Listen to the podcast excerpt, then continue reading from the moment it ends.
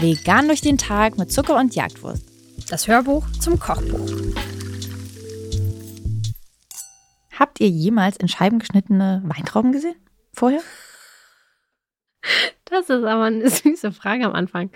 Ähm, macht man selten, sieht aber schick aus, finde ich. Auf jeden Fall. Also, weiß jetzt nicht genau, in welchen anderen Rezepten man noch so, vielleicht in einem Salat ja. mit Weintrauben könnte man das auch so machen, aber ähm, ja, ich war richtig überrascht, wie so eine Weintraube aussieht.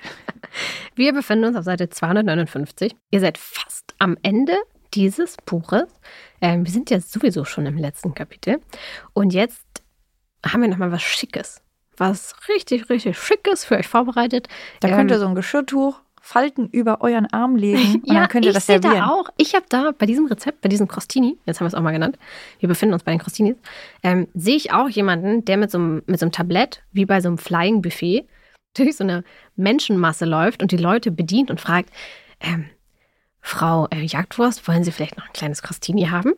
Und dann sagst du ja, und dann nimmst du dir eins runter, beißt da rein und sagst, mm, die sind aber lecker. Das ist die Reaktion, die wir erreichen wollen. So ein Flying Buffet zu Hause könnte man auch mal machen. Jemand läuft durch eure Wohnung und bedient ähm, seine zwei MitbewohnerInnen. Ähm, klasse Idee. Genau, nee, mit diesem Crostini wollten wir tatsächlich irgendwas Schickeres machen und dachten ähm, an den Zwiebelchutney. Ähm, ich liebe Zwiebelchutney. Ich finde, das ist eine, eine geniale Erfindung. Denn im Endeffekt, wenn ihr Zwiebeln sehr lange ähm, auf niedriger Hitze erhitzt, erwärmt, dann werden Zwiebeln ja ganz, ganz doll süß und bekommen eine ganz schöne, zarte Konsistenz. Zwiebeln sind ja irgendwie an sich sehr mh, mm, knackig, würde ich sagen.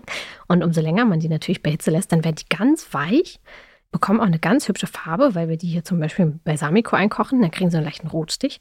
Ähm, und dann werden sie ganz süß und dann ähm, kann man da noch so ein paar Gewürze mit reingeben und dann am Ende bekommt man eigentlich wie so einen kleinen Zwiebelsalat. Eigentlich ist ein Chutney ja wie ein kleiner Salat aus Zwiebeln. Kleiner süßer Zwiebelsalat. Aber wirklich ganz herrlich. Und wir haben hier noch zum Beispiel ein bisschen Zucker, ein bisschen Lorbeerblätter, Chilipulver, Zimt, ein bisschen Rosmarin mit reingebracht und natürlich auch Balsamico-Essig für so eine Säure und so eine Süße.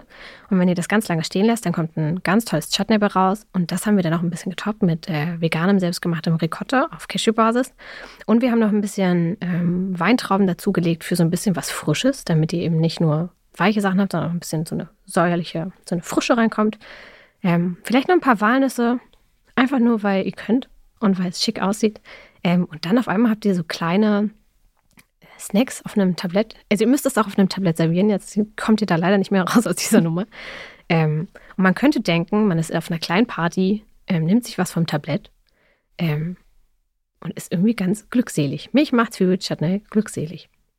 Es dauert natürlich alles ja, ein bisschen, aber. Das wollte ich jetzt nicht erwähnen. Ähm, es ist kein 10-Minuten-Rezept, aber ich finde, man kann das sehr gut auch aufteilen. Also es gibt auch Zwiebelchutney in Gläsern zu kaufen, so karamellisierte Zwiebeln. Aber ihr könnt das eben, wenn ihr dieses Rezept macht, auch einfach selber in ein Glas packen. Und dann kann das auch einfach in eurem Kühlschrank stehen. Und dann könnt ihr das auch für diverse andere Rezepte verwenden. Deswegen, wenn ihr das einfach schon mal so auf Vorrat macht, habt ihr den Teil schon mal erledigt. Danach kommt der Cashew-Ricotta. Der ist ein bisschen aufwendiger im Sinne von zeitintensiver, weil ihr bestenfalls die Cashewnüsse dafür schon mal einweichen solltet. Wenn ihr jetzt einen Hochleistungsmixer habt, der die auch so cremig bekommt, wenn sie nicht eingeweicht sind, spart ihr euch auch hier die Zeit.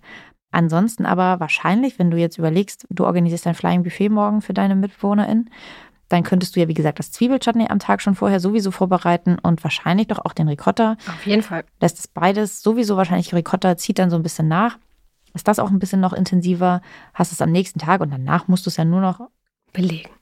Ja. Ja, ist auf jeden Fall ein richtig gutes Partyessen, wenn, wenn ihr Gäste, Gästinnen habt. Ähm, sehr gut vorzubereiten, einfach frisch belegen. Sieht auf jeden Fall hübsch aus. Richtig pretty. Ihr müsst nur jemanden finden, der mit einem Tablett dann durch die Masse läuft. Ähm, das ist Bedingung bei diesem Rezept, aber ansonsten ist es wirklich, ähm, finde ich, ein sehr, sehr, sehr schickes Rezept.